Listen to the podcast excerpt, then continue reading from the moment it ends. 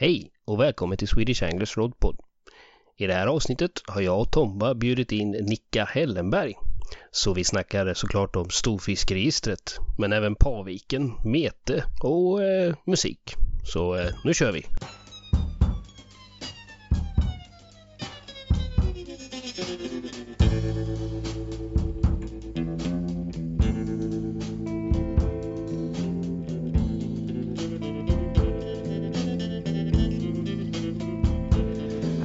Enough of your bullshit to last me a lifetime.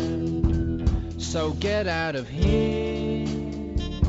I don't wanna see you around here. Vi hälsar Nicka välkommen hit då till vår lilla podd. Det här avsnittet får vi se hur vi eh, lägger upp det. Men vi börjar med, hur är det med dig?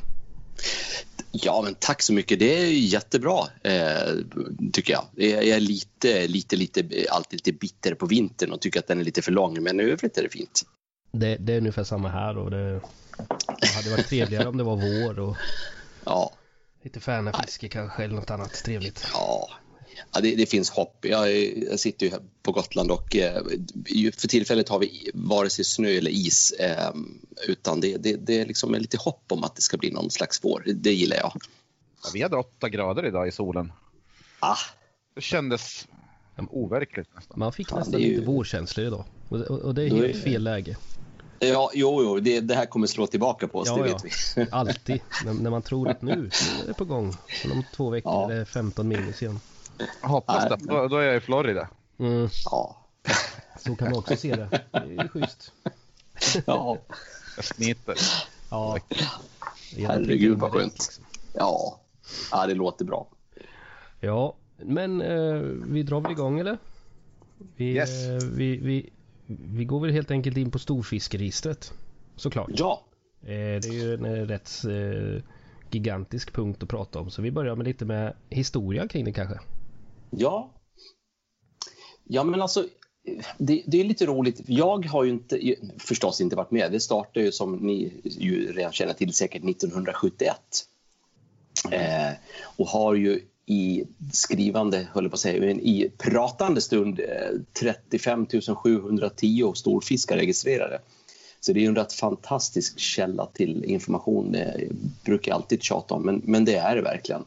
Ehm, och jag intresserade väl mig lite grann för den eh, när, jag växte upp och var en liten snorhyvel men inte så jättemycket kanske förrän senare när man började liksom, eh, snegla mot folk som fångade stora fiskar och eh, man hörde talas om att de inte registrerade någonstans. Vadå, tänkte jag, så tog man reda på det. Så det, det, det finns ju förstås med i mitt eh, DNA lite grann tillbaka i tiden också. Men jag har ju inte haft hand om storfiskregistret så länge utan jag tog ju vid efter Håkan Brugård som ju gjorde det med den äran i massor av år och 2011 eh, lämnade han över stafettpinnen till mig. Ja, det, är- det är en, eh, det, det är en, en väldigt, eh, eh, vad ska man säga, massiv databas man börjar bläddra i den. Eh, och eh, jag hoppas att den kommer få leva kvar långt efter mina dagar. Får vi väl se. Det tror jag säkert. Det tror Ja. jag med.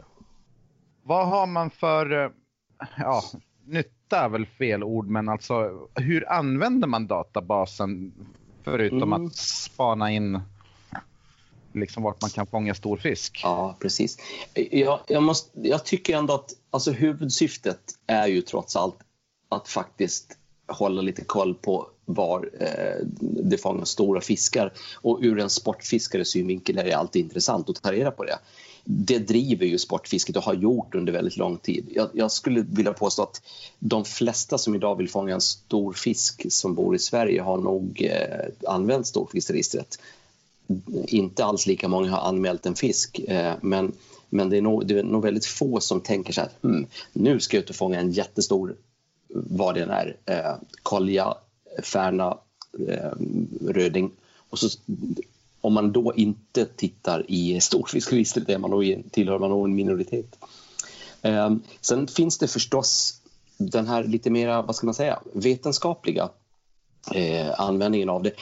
det. Det är inte så att, att det hör av sig forskare till storfiskregistret eh, varje eh, vecka eller månad. Men lite grann då och då så får man ju någon Eh, kontakt från någon som antingen sitter på någon länsstyrelse eller någon som har något speciellt forskningsprojekt och som vill ha lite mer information om en viss art eller ett visst vatten. Eh, och, och det står man gärna till tjänst med. Men den syftet när, när den här databasen skapades var ju inte att göra det i vetenskapens namn utan lite mer i fiskets namn. Det måste vi också erkänna och komma ihåg. Mm. Jo, det är klart, men alltså när, man, när man har en så stor databank som ni har ja. så, så kommer den ju få betydelse för forskning och sånt. Eller i alla fall en fin källa för. Ja, det är det ju absolut. Jag, jag, tror ju att, att det också finns... Eh, eh, det kommer på sikt, ju fler fiskar och ju fler eh, fakta vi får desto viktigare kan det faktiskt vara att ha den här någon gång när man eh, exempelvis behöver argumentera för någonting eh, så kan man åtminstone ha den här som en ja, liten eh, eh, fingervisning om att okay, det verkar som att den här arten eh, har gått tillbaka i de här vattnen. Titta vad få som anmäler det nu för tiden. Förutsatt att man vet att folk fortfarande fiskar i nämnda vatten och så vidare. Eh, och, och, då kan det ju leda till att, att man har det som underlag för förvaltning av olika slag. Eh, därför brukar jag ju också, nu hoppar vi lite så här, men jag, jag brukar försöka kontakta fiskevårdsområden Eh, framförallt när det gäller, vi vet ju att, att det finns arter som eh, tar lax och öring och så vidare som fångas väldigt mycket men som rapporteras väldigt sparsamt. Eh, och då har jag ju sagt till och bett om att snälla försöka att uppmana till lite mer eh, anmälningar från ert vatten här för det skulle faktiskt kunna gynna er i framtiden den dagen ni behöver liksom visa siffror eller ja, Mm. sådana saker går lite trögt. Däremot är ju som vi alla vet eh, eh, när det gäller mete och havsfiske är det ganska, ganska eh, täckande rapportering istället. Hur är det med gäddan som man pratar om att den har gått ner så mycket? Syns ja. det i rapporteringen? Ja, det gör det. Om man, I alla fall om man... Eh, det där är ju väldigt mångfacetterat. Man kan ju, man kan ju för det första kan man jämföra med de här glansdagarna då Löddeå och eh, Blekinge och med flera vatten och även Furusunds skärgård var superhett.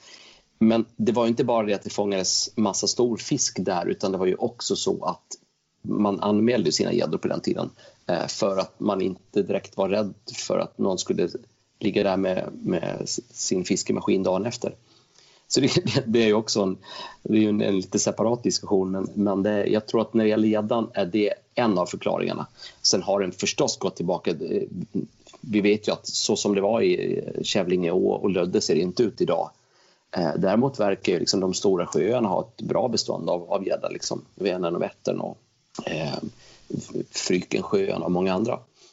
Och där kan man ju då tycka istället att om man fångar gädda i, i de vattnen, varför anmäler man inte den? De, de är så de är jättekända och då, då det, pratar vi istället om att folk kanske inte bryr sig så mycket om att de har fångat den här fisken eller också vill de ändå mörka lite grann eller ja, det, det är svårt.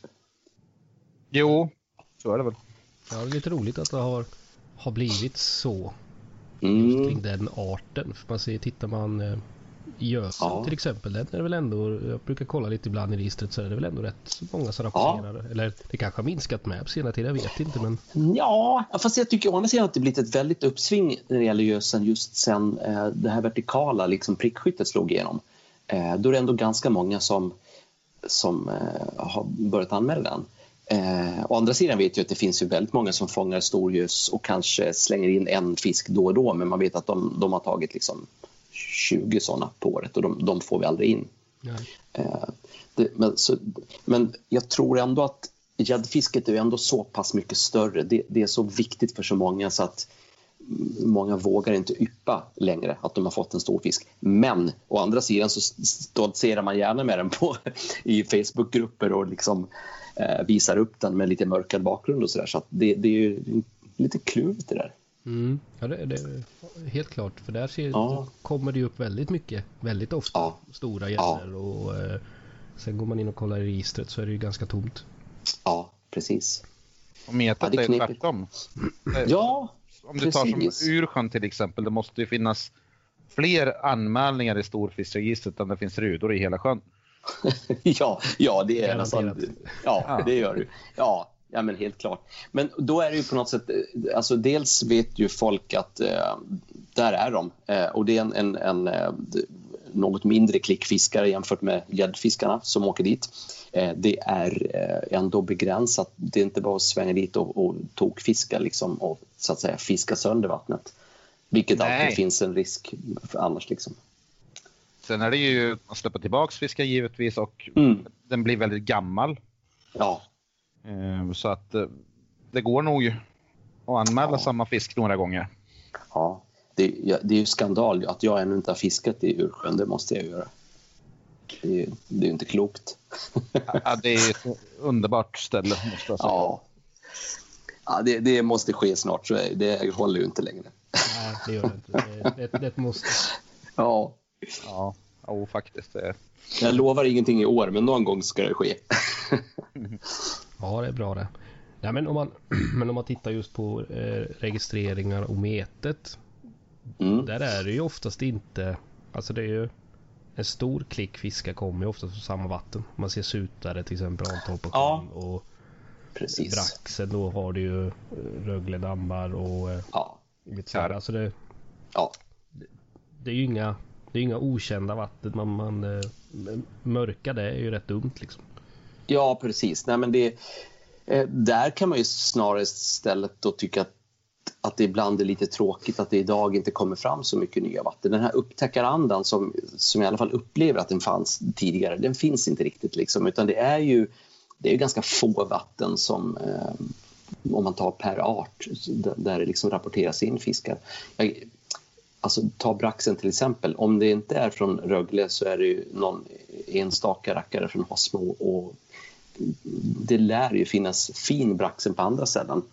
Eh, och samma sak med rudorna. Det måste finnas, herregud vad många vatten det finns. Kanske inte med tre kilos fiskar men garanterat rudor på liksom uppemot två kilo finns ju massor av vatten som har det.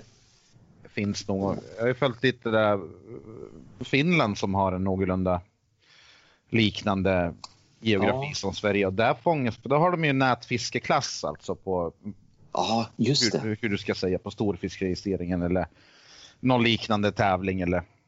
Ja. Och det, det, det anmäls ju så otroligt stora vitfiskar, braxnar, rudor på över tre kilo, flera stycken och ja. ålar på fyra kilo och sånt där. Så att, det är klart det finns, men ja. jag tror att specimenmetet är inte i den fasen nu att man letar med ljus och lykta utan man är nog rätt nöjd med de vatten man har och ja. köpa dem då. Precis, blir lite mer resultatinriktat och så kanske vi allihopa lite till mans har blivit ibland tycker jag lite så här eh, fartblinda. Att man inte kanske uppskattar en, en, eh, vad vet jag, en, en sutare på knappt på tre kilo. Den ska liksom väga helst fyra kilo. Liksom.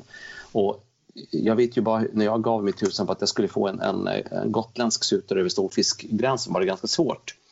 Eh, och, men samtidigt så tyckte jag att det var så förbaskat skoj att få en som vägde två och ett halvt också. Eh, och om man då överför det till andra arter, om inte man längre tycker att, en, att det räcker med att få en, en mört på eh, 890 gram utan den måste väga liksom 1,5 för att den ska börja bli eh, relevant, ja, men då är det klart att man kommer antingen sikta på att fiska i kända vatten som man vet att här finns i alla fall chansen eller göra några enstaka märkliga försök ute i, i buschen någonstans. Så, så det här liksom att testa lite mer på vinst och förlust i, i sina närliggande vatten. Det, det, det, gör man inte då i så fall, skulle jag tro.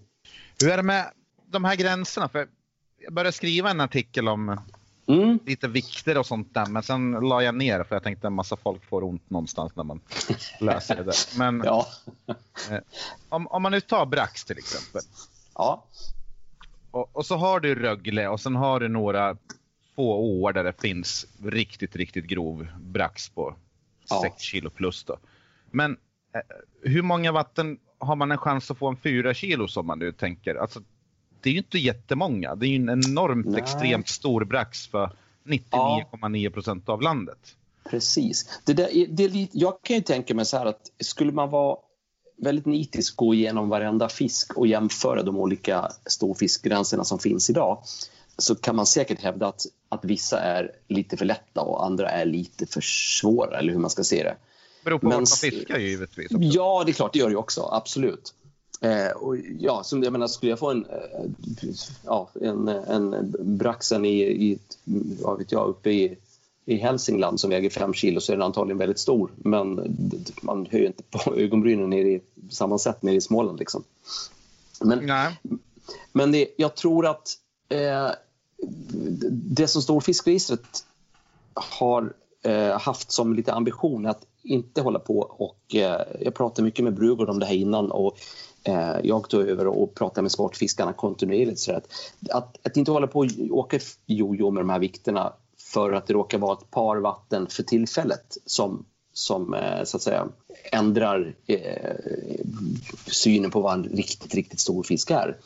Eh, sen kan det också vara så att, att av olika skäl kan miljön och förutsättningarna ändras så att vissa arter, ja det är nästan omöjligt att få idag. Men om vi behåller samma vikt, vilket vi har som mål att göra i, i görligaste mån, då får vi ju sett över tid också i alla fall någonting som säger att okej, okay, det här är en stor fisk. Och när storfiskregistret var nytt så var vikterna ganska låga. Dels för att, tror jag, eh, man inte riktigt visste men också att locka folk att börja anmäla dem. Och då vill man ha igång så många som möjligt. Då, menar, en ruda på 1,2 kilo var ju jättestor för väldigt många då.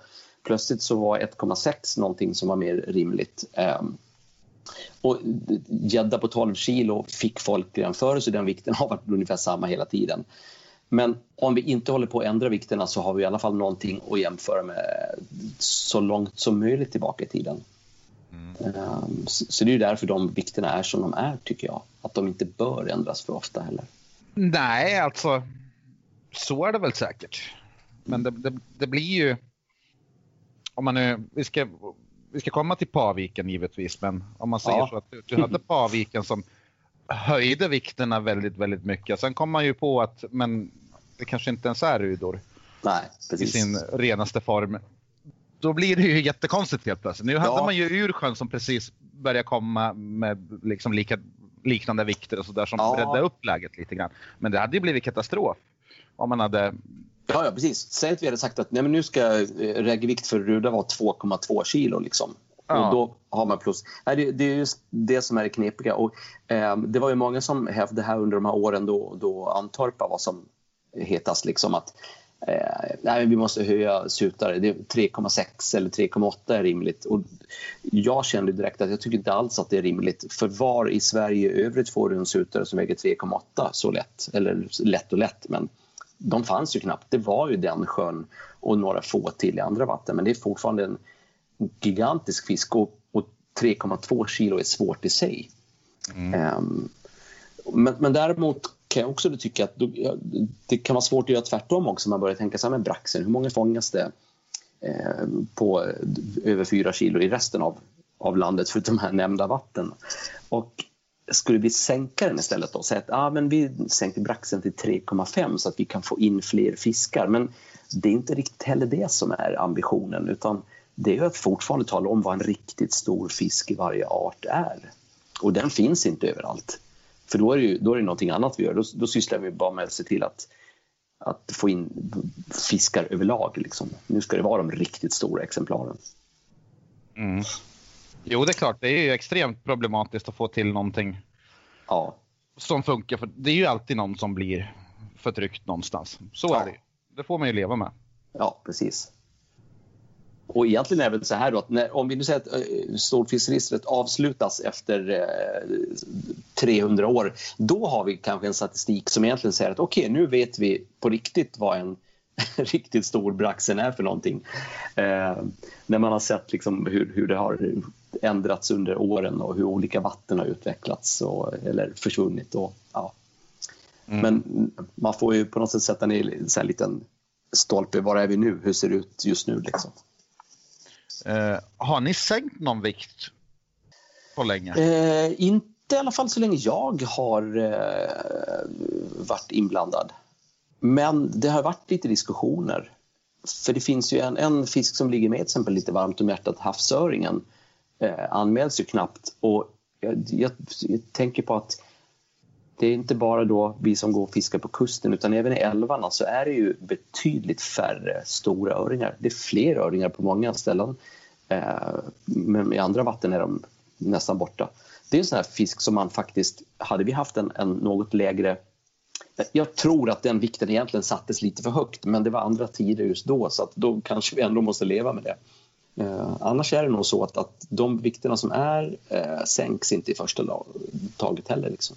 Nej. för det är alltid några arter som gynnas av olika, som aspen och gösen har ju gått ja. framåt. Vad som jag tycker som mig ser i alla fall. Liksom, gösfisket har ju ja. Ja, blommat upp så det är väl varmare somrar och ny teknik och ja, fredning på asp och sånt där. Det gör ju att alltså, uppgången på asp i våra Mälarsjöar är ju mycket större nu än vad de var för ja. 10-20 år sedan. Och det är tacksamt. Ja, men det är lite häftigt det där. Och, och så har man då fiskar som det är tvärtom. För så, ta lake till exempel eller ja, Ål. det finns ju fler. Ja, som för, fångades lite överallt dessutom i ganska hyfsad storlek. Men det, det gör de ju inte längre. Nej, ålen måste väl vara den svåraste? Då? Ja, den är ju också en liten, det har varit lite föremål för diskussion att ska vi fortsätta att registrera den? Eh, vilket man faktiskt skulle kunna fråga sig om, om vi ska. Eh, nu är det, ju, är det ju med undantaget, man, man får ju registrera den från vatten där, där det finns eh, trevandringshinder och den inte kan, eller den lever isolerad så att säga. Eh, och därför så, så, tycker vi att då, då, gör det ingen, ingen skada. Men det skulle mer vara ett slags statement att, att, att man i så fall tycker att okej, okay, ålen bör vi lämna i fred överlag då kanske vi inte ska alls eh, registrera den. Mm. Det där är också intressant med ålen. Mm. När man tänker på trevandringshinder. Vi var ju med i Svenskan förra året och ja, i år med. Då. Ja. då tänkte vi att ja, men Eskilstunaån, vi har ju faktiskt jävligt grov ål och eh, förr i alla fall väldigt mycket ål så att man borde ha en skaplig chans. Ja. Men då forskar vi lite i saken och då har ju kommunen ett förbud mot ålfiske. Ah. Okej, okay, ja. Så att då tar ju den bort de här trevandringshindren, så det var ju bara att lägga ner. Ja, ja precis. Och det tror jag inte så många har koll på det där att hålla kommunala föreskrifter för att Nej, kommunerna liksom lite på hugget, då lägger de ett förbud och det tycker jag är skitbra. Ja. Ja, det, och det kanske kommer bli ännu mer sån förvaltning i framtiden, gissar jag. Att, att man kommer få liksom lokalt titta på... För att ibland kan Sverige är så pass stort också så att det kan vara rätt svårt att säga att ja, det här fisken går väldigt dåligt för...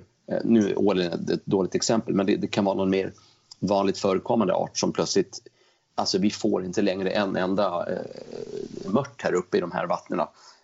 Och det skulle vara jättekonstigt om, om den då liksom skulle fredas över hela landet när den är väldigt talrik i vissa vatten. Och så, där. så jag tror att den, nu pratar vi i och för sig fiskeförvaltning, men, men om fiskeförvaltningen eh, så att säga börjar bli lite mer lokalt anpassad så kommer storfiskfisket kanske vara tvungen att anpassa sig efter det också. Mm. Eh, det, det är nog så grejer man får liksom ha lite öronen mot marken och kolla upp vad som händer. Ja, det är extremt intressant är det ju med. Ja. Med allt det här. Alltså det kan ju vara en period på 5-6 år där det är lite lugnt på olika fisk eller artfronter. Ja. Men sen kan det blomma upp av någon jävla anledning som man inte vet. Ja, visst. Och vissa arter av fiskar verkar ha en sån eh, fluktuerande eh, liksom, livscykel.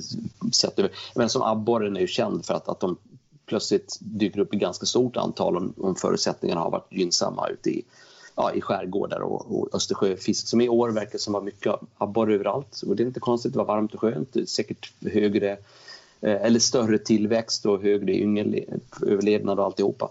Eh, sen kommer några år då, då liksom man undrar om finns de överhuvudtaget. Mm. Och det, där, det är fortfarande lite av en, en gåta ibland vad som styr det där. Men, men det är säkert så med, med väldigt många arter som inte vi eh, kanske forskar lika mycket på eller som inte är så intressant ur allmänhetens perspektiv. Hur ser det ut för faren och vimma? Liksom? Väldigt få vet ju det. Det är, ju, det är några metare som har lite koll på de här arterna. I övrigt är det ingen som vet någonting om dem nästan. Nej, det är nog höjt i dunkel det där. Mm. Men sen är det ju lite, som med Färnan till exempel har jag forskat i lite grann när jag gjorde den här ja. specimen-artikelserien Och från 70-talet fram till kanske början av 2000 någonstans där, sen 90. Då var ju en 2,5 kilos färna en extremt stor fisk. Ja. En, en 3 kilos, det var ju rekord alla gånger. Ja, precis. Och sen de här senaste 10-15 åren så har det kommit upp enorma mängder med väldigt, väldigt stor färna. Ja. Alltså en 3 kilos är ju ingen dröm, dröm, drömfisk så längre. Utan, eh, och sen har det Nej, flera olika vatten med. Alltså vi har ju från Hedströmmen till, ja jag vet inte vad som ligger längst söderut, men 2,5 kilos plus. Så ja. Färnorna har helt enkelt blivit större av någon anledning.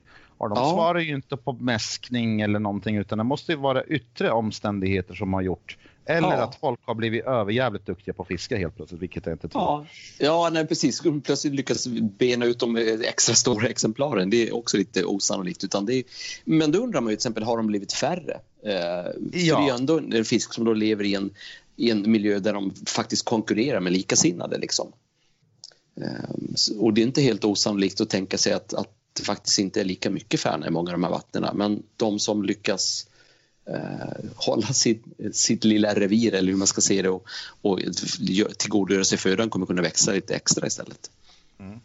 Ja, Krille är nog Där är ju han ehm, eh, Karl Johan Månsson som skrev den boken. Ja, precis. Han var ju inne på att det är ju ganska många återfångster. Alltså så att man tror ja. att man får eh, rätt många färnor på en sträcka men det kan vara så att du får samma färna två, ja. två gånger på, på en kväll eller så liksom att Ja, precis. Det, det är svårt att, att urskilja en färda. Ja.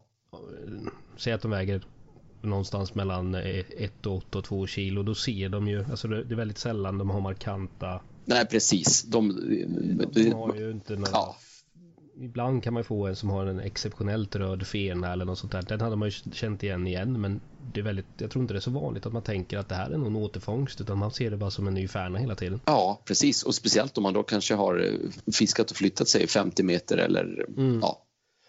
Fast å andra sidan så borde ju samma ha hjälpt på 70-talet. Ja precis. Eh, svårt att veta det där. Men jag, tänker, jag såg topplistor för de tio största och det fanns ja. fisk under två kilo med i, i topplistorna. Ja. Jag menar, hur många tar du över två kilo krille på en sommar, alltså från olika vatten? Det måste ju vara en, en handfull. Ja, liksom. då, det är det ju. Ja. Eh... Så att någonting har ju hänt, de har ju blivit större. Ja, det är brödet. Vi bakar ja. bättre bröd nu. Mera proteinrikt bröd, inte så mycket, inte så mycket fluff bara. Nej, precis. Det är nyttiga grejer nu. Man ska ha så här nötter och grejer i brödet. Ja. Men om man då tar en, en, en likartad eh, fisk som iden eh, som eh, och det är lite grann både och där att dels fångas det fortfarande en del riktigt stora exemplar. Eh, men det är betydligt färre och i många av de här heta vattnen där tre kilos fiskar var ja, snarare en regel än undantag, där fångas det inga alls. Eh, och det vet man ju inte heller riktigt om, har det sett ut så här förr också? Att, att man har haft den variationen under, vad vet jag, 5-10 år. Det, ibland är det lite svårt för att det, det är ju egentligen kanske bara sen ja, på 80 och 90-talet när det verkligen liksom tog fart med med specimenfisket som man också börjar eh, få lite koll på bredden av vatten och på arter. Innan dess vet vi inte så mycket. Vi vet att det fångas enstaka fiskar men, men alltså 1971 till exempel så var det 113 storfiskar eh, registrerade under hela året när det startades. Och nu så ligger vi liksom årligen på någonstans mellan, ja, det varierar ju, men, men alltså under hela 10-talet här så har det varit kring 1500 fiskar varje år. Eh, ända tills förra året, då var det lite färre faktiskt. Det blir så att urskilja någonting då.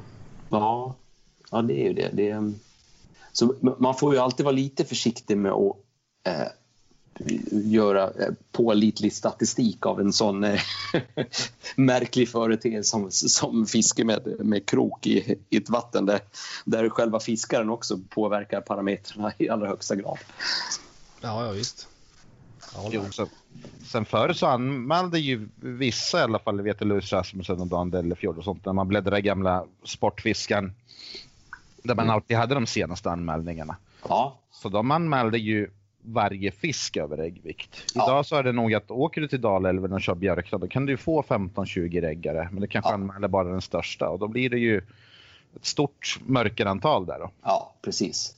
Det är kanske tur att det inte är så idag för då skulle jag ha väldigt många fiskar jag skulle titta på i vissa arter.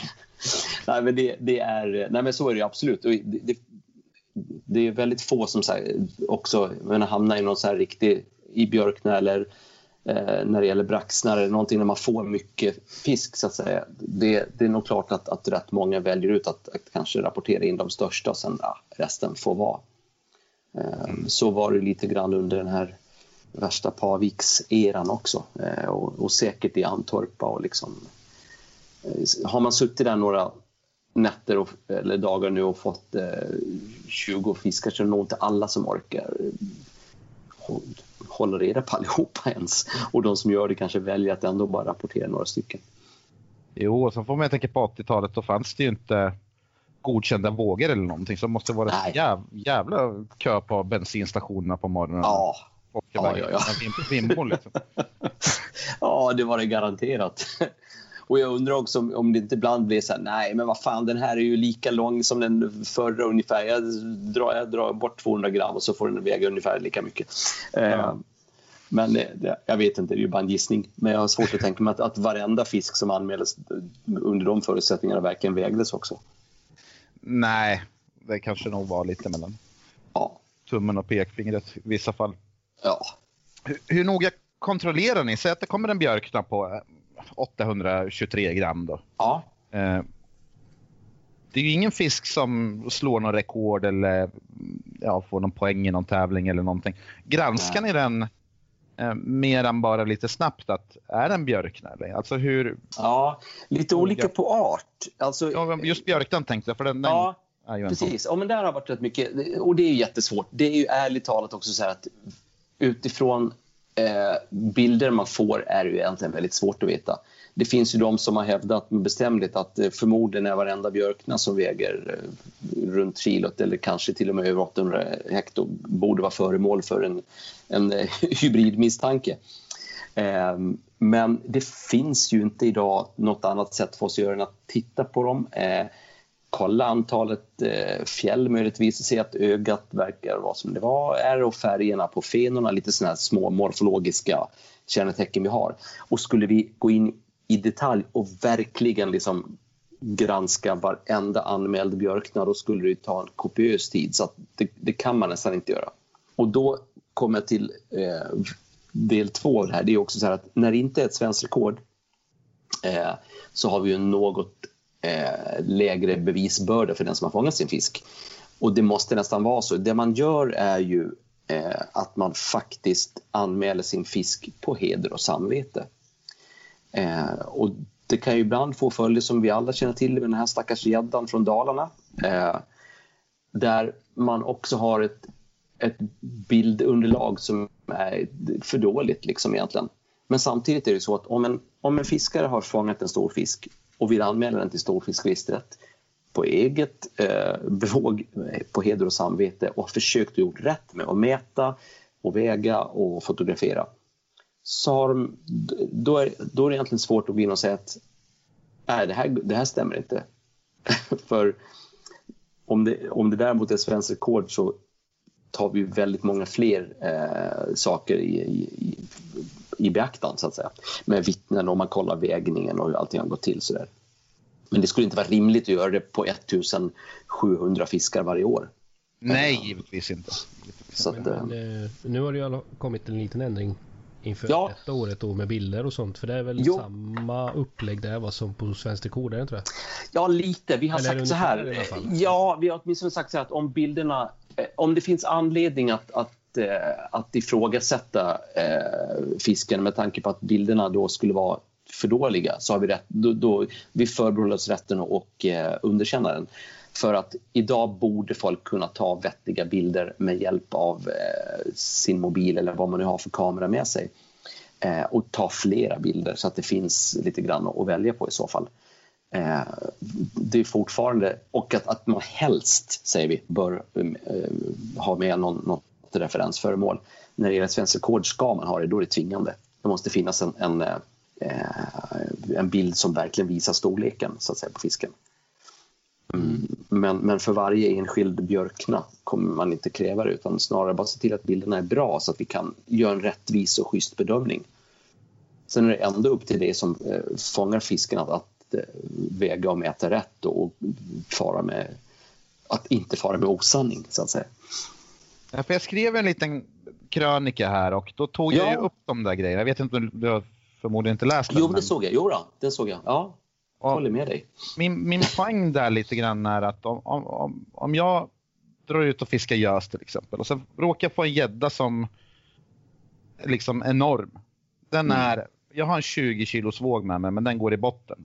Ja. Om mitt syfte är att regga den fisken, alltså få ja. en, jag bara, ja, men jag har ingen regggädda, jag vill regga den. Jag vill inte ja. anmäla den till någon tävling, jag vill inte ha något rekord, jag vill bara få den reggad. Ja.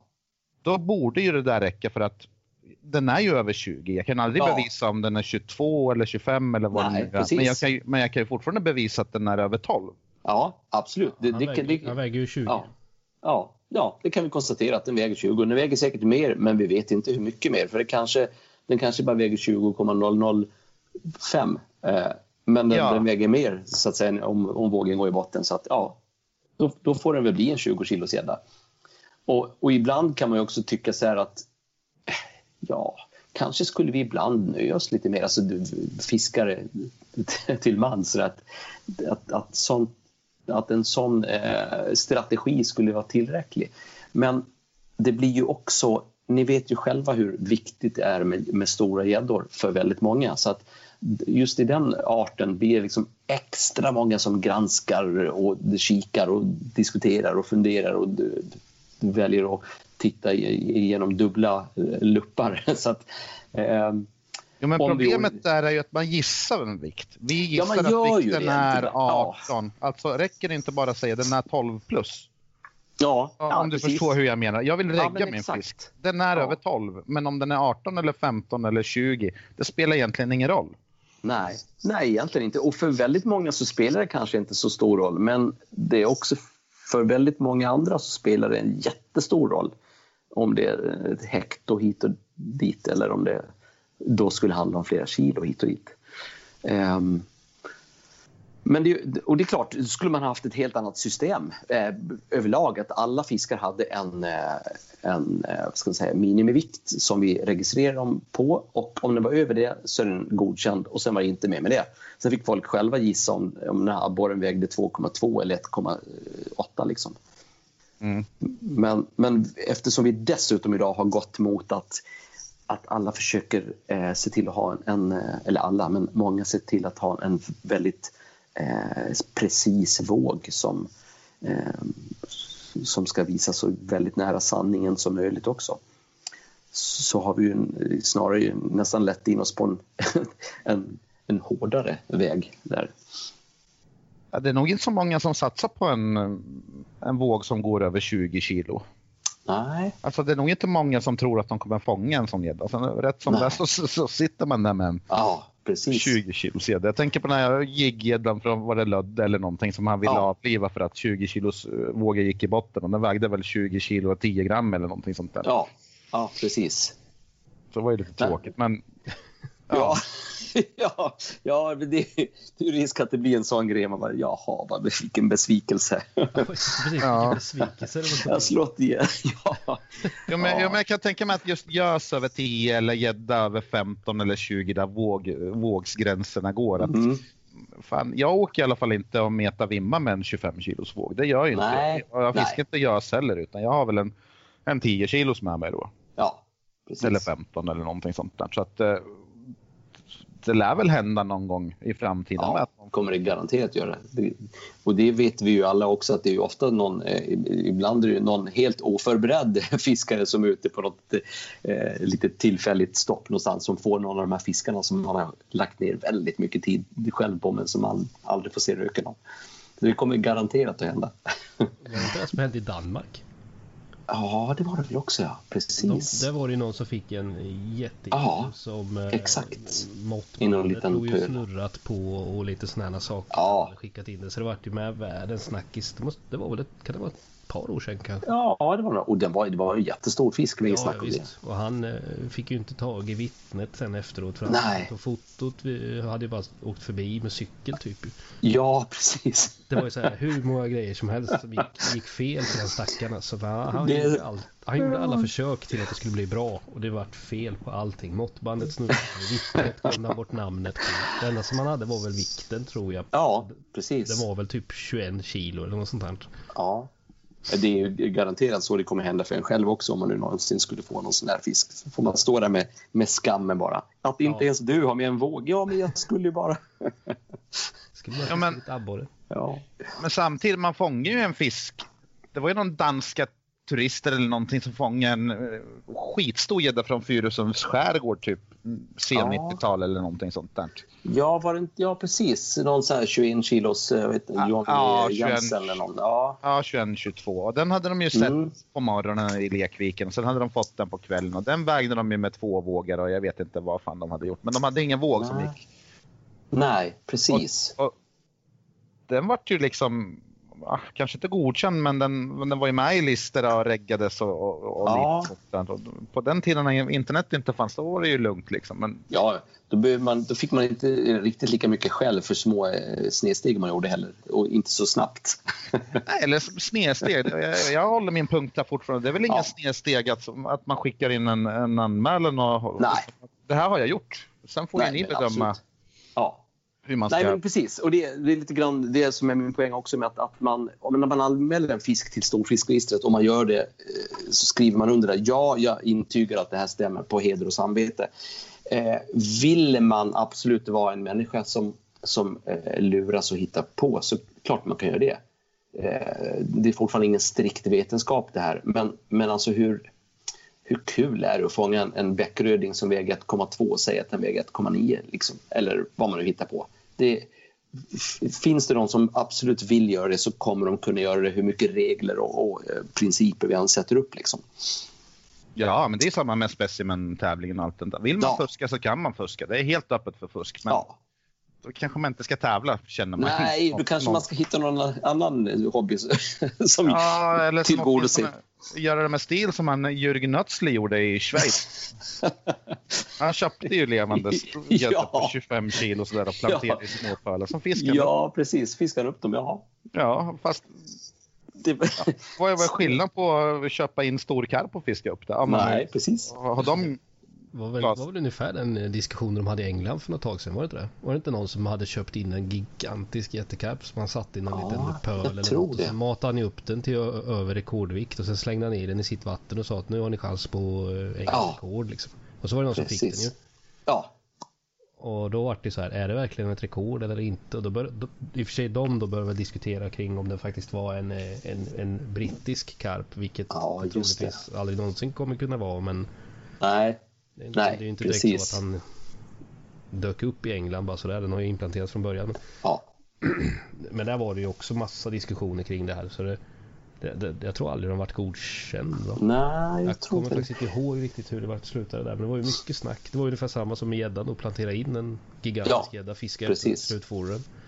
Där har vi ju åtminstone den regeln att eh, en, en, man får inte godkänna en fisk från ett vatten där det sätts ut fisk eh, över stor fiskgräns, eh, så att säga.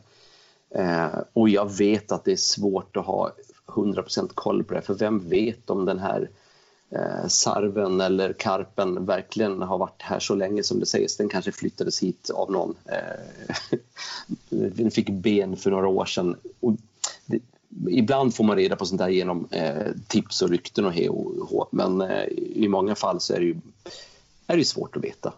Då får man helt enkelt eh, också där lita på eh, de uppgifter som kommer från uppgiftslämnaren. Mm. Jag vill ju, vara, jag vill ju sitta och vara så lite polis som möjligt utan tvärtom. Bara vara, eh, liksom, titta här kommer det in en, en stor fisk. Ja, det ser ut att stämma. Vi, tack, grattis. Och så ser man till att, att vederbörande får en, en, eh, nål och blir glad. Och vi får en fisk till registret. Men givetvis så är det ju så att att det varje år är ett antal fiskar som inte håller måttet för registreringen och därför underkänns av olika skäl. Som den gamla Abu drömresan, där kunde man ju se de mest fantastiska fångsterna. Ja. Ja, och det där är ju alltid faran när det också börjar bli... Det, alltså, det vet jag att man diskuterar generellt. Alltså, fisketävlingar med, med prissummor som är ganska höga. Det spelar ingen roll om det är gäddtävlingar där man kan vinna en båt eller om man har största torsken i år eller så. Det är klart att det alltid kittlar lite för dem som skulle vilja eh, liksom stretcha lite på, på principerna och på regelverket. Om det, om det, det lockar lite extra om det finns massa pengar. På det sättet är ju, är ju storfiskregistret trevligt för det är ingen tävling. Även om många använder sina anmälningar för att själva tävla eller på, mot andra eller sig själv. Och det är ju en sak, men att, att det ska inte vara... Jag är jätteglad att det inte är så att ja, om du skickar in en fisk så får du eh, någonting som är väldigt ja, värdefullt för då, då skulle vi ha haft en helt annan lista kan jag tänka mig. Jo, jo alltså vi förstår ju det där. Men det blir ingen bra podd om vi bara Nej, pratar om att ja, men nu har Kalle skickat in en... Ja. Här, liksom och allt stämmer och allt är trevligt. Nej. Ja. Så att, eh, ja. Men så är det ju också. Det går ju aldrig att komma ifrån. Det finns alltid en liten klick människor som tar det lite för långt. Oavsett ja. vad det är. Om det är oh, ja. Jag menar kolla idrotten. Det, det är ja. inte, den är ju inte jättelångt borta i Nej, jämförelsen. Precis. Och det fuskas ju. Ja. För att vinna. Och det, ja, så är det. Den, den, den klicken människor kommer alltid finnas. Ja. Eh, men det, på något sätt Nej. så har det ju med ett samvete att göra också kan jag tycka. Ja, det måste få ha det annars är det ju, blir det rätt meningslöst alltihopa. Det är ju sjukt tråkigt att gå runt och skryta om en fisk som man aldrig har fått. Ja, exakt. Vad, hur känns det när man somnar på kvällen? Liksom? Det tänker jag alltid på. Alltså. Nej, jag vaknar och bara nej, det är likadant idag. Det finns fortfarande inte. Han väger 1,2. Fan också. Mm. Ja, herregud. Har du någonting som du vill eh, ta upp med registret då? Nej, inte mer än att jag förstås tycker att, att folk eh, i gemen ska vara lite bättre på att anmäla sina fiskar. Och jag förstår att man inte vill man snokar reda på sitt nya eh, jättehäftiga gäddvatten där man kommer vräka upp 15 kilos flera år framöver. Att man inte vill droppa det, det, det förstår jag fullt och fast. Men det fångas ju för att ta gäddan som exempel, det fångas eh, fisk eh, lite i, i även kända vatten som inte skulle skada någonting alls att, att få in här. Så och det gäller många andra arter också. Och jag vet ju också att man i vissa fall, det har ryktats mycket om gösen nu, att folk anmäler dem från fel vatten för att man inte vill droppa sitt vatten. Men då kanske man ska låta bli och alltså avstå istället att anmäla den där fisken. Mm. För det är, det är, inte heller kul att man sitter och fyller ett register med felaktiga uppgifter. Några fel kommer alltid finnas, men vi skulle vara glada om vi kunde minimera det. Nej, för novemberdebatten, när den kom där, just ja. det här att om man ska anmäla sjö eller å eller ja, vatten då. Ja. Jag tyckte att du har ju ett val. Du behöver ju inte anmäla din fisk om du inte vill. Men Nej. anmäler du, för annars så blir ju registret jävligt tråkigt. Att man ser, nu har någon fått en uh, id från Norrland. Den, den är ja. inte större än si och så. Precis. Vad får jag för information kring det där? Alltså det blir ju skittråkigt. Ja, Ty tycker absolut. jag. Men ja, jag förstår men... ju gäddfiskarna som, det var mest gäddfiskare vad jag förstod som tyckte att nej jag vill inte anmäla. Nej. Nej. Men, men, det var väl mycket med att de tyckte inte att det skulle vara synligt va? Nej, precis. Alltså att man kunde, man kunde, de kunde gott fylla i det när ja. de skickade in uppgifterna att det skulle vara från det här vattnet. Men att jag då som söker i storfiskeregistret ska inte se Nej, den, precis. den informationen. Utan det ska stå att den är fångad i Norrland. Ja. Det var, det var, och det var väl också det var väl något förslag som var uppe för många Jo, Jo då, det, och det har varit på tapeten ett par gånger. Och då är det också några som opponerar sig att nej, app, app, app, app, app. då kommer ju alltså vi som har tillgång till att kika bakom registrets eh, gardin. ja, sitta inne på väldigt intressant information. eh, och framförallt så, ja precis, och då så här, kommer det bli någon slags eh, så här, svågerpolitik att vissa kan få reda på saker. Och, och, och jag skulle inte vilja sitta här och ens eh, så att säga vara föremål för den beskyllningen för det skulle vara väldigt trist. Det spelar ingen roll hur mycket man svär att jag skulle aldrig berätta för mina kompisar. Ah, men du vet ändå var den där gäddan är fångad. Det är säkert att du inte har sagt det till någon. Jag lovar. Och så att, att det bara finns ja. den eh, möjligheten skulle vara tråkig att, att leva med tycker jag. Så att... och, och, den hade kommit per omgående om mm. en sån regel hade satts in? Direkt hade den kommit från eh, flera personer. Mm. Det blir lite väl mycket, många lager politik där. ja. det, är, fan, det är ju fiske vi håller på med. Ja, ibland, det tycker jag också är lite tråkigt att folk glömmer bort ibland. Fan, man gör ju det här för att det är jättekul. Och man vill gärna tillbaka till eh, den här eh, i alla fall personligen vill jag tillbaka till lite grann den här sköna febriga känslan man hade när man satt och bläddrade i, i tidningarna eller läste Arne Bromans böcker som liten. Liksom.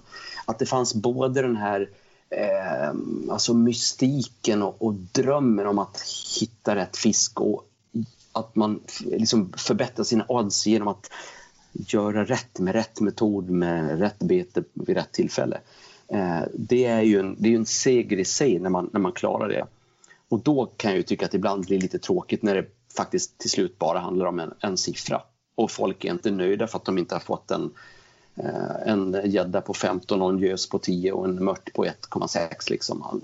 man måste ha lite svett och sans där och njuta av fisket som sådant. Annars blir det rätt meningslöst också. Mm. Ja, det blir väldigt mycket fartblindhet i Ja. Alla ska bara ha den, den stora fisken och glömma bort vägen ja. dit. Ja. Jag, menar, jag tycker till exempel fortfarande att det är jättekul att sitta. Nu är det stängt, men jag, jag har ju suttit och metat ute i Paviken långt efter att vi såg till att att inte fiskarna därifrån fick anmälas.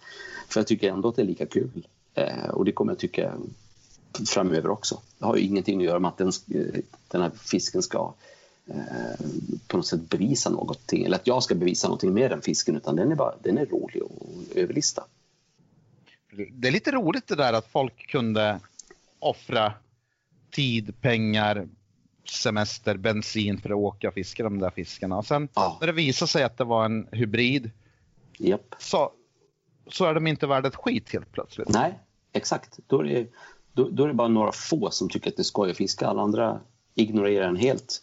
Ja. Eh, men ändå så, nu, nu är ju sjön stängd då. Eh, eh, i alla fall några år, eh, ett par år. Eh, helt, och det ska restaureras och fixas med miljön där ute. Men, men under de här åren efter att, att Peter Gran och jag gick ut med det här så så alltså, metet upphörde ju nästan totalt och ändå var det ju jättekul fiske ut under några år efter det. Jag satt ju själv och fick ju större såna här hybrider än vad, vad vi hade fått tidigare. Eh, och det var gott om sutar och allt möjligt. Eh, nu vet jag faktiskt inte, nu misstänker jag att det är lite sämre. Det, alltså även de här fiskarna har väl kanske någon slags maximal livslängd och någonting kan hända men, men det där är ju jätteskumt att, att det ändå, och jag vet inte om, om, om det har varit samma eh, visa nere i Antorpa nu, att folk vet att det är sämre fiske och att det därför inte alls är lika intressant längre. Förmodligen. Eh, ja. Men vi kan, vi kan ta ja. Paviken, vi kan börja från ja. de som inte vet då. Alltså, vad är Paviken? Ja, Paviken är en liten grund eh, insjö på, på Gotland som Eh, Ehm, den har förbindelse med havet via en å. Ehm, men det är alltså ingen, det har varit, på vikingatiden så var det en, en havsvik där uppe men det är alltså ingen, ingen vik utan den heter Paviken men det är en liten, en liten sjö. Grund och eh, ganska igenväxt. Ehm, och det var ju någon gång, det fångades ju då, en, anmäldes någon eh, ruda därifrån redan på, jag tror det var sent 70-tal faktiskt. Eh, det, folk har väl alltid fiskat lite grann där ute som man gör i en liten sjö. sådär. När jag var liten grabb så åkte eh, man ut där och, och metade och fick eh, mört och abborre och eh, id och någon enstaka gädda nappade väl på ibland och sådär. Eh, några rudor fick vi inte på den tiden. Eller hörde, hördes knappt talas om dem. Men det var nog för att vi inte riktigt visste hur man skulle göra egentligen. Däremot fick jag en brax där ute som eh, var lite skoj. För det, det, det ska, finns ju knappt. Det finns några få. Och jag vet att det är fullt av, av fiskare som har rapporterat att de har sett braxnar simma runt där ute. Eh, jag har sett dem själv också. Och det är så otroligt märkligt att de nästan aldrig nappar. För om någon fisk borde svara på mäskning och eh, gratis käk så borde det vara ett, ett gäng eh, hungriga braxnar. Mm. Men, men de, de har simmat runt ut i alla fall utan att liksom gjort mycket besen av sig. Men sen var det när en, en gotländsk kille som, som fick en, en eh, gigantisk ruda då i, i ån som rinner ut från Paviken ut i havet som vägde 2400 någonting, 56 eller vad det nu var. Eh, då var det, ju, var det plötsligt en, en alltså rekordet försvann och det var en, en sensation. Så då brakade det loss, då skulle ju alla dit och fiska. Eh, vilket fick till följd att folk eh, eh, skaffade mer eller mindre giltiga tillstånd för att fiska och det tältades och, och sovs i både hängmattor och på, i bivvis och allt möjligt uppe. Eller tält snarare. Så att sen tröttnade ju markägarna och stängde av allt fiske. Men under den tiden så hade ju stort sett hela dåtidens specimenelit Elit varit nere här och hystat upp rudor.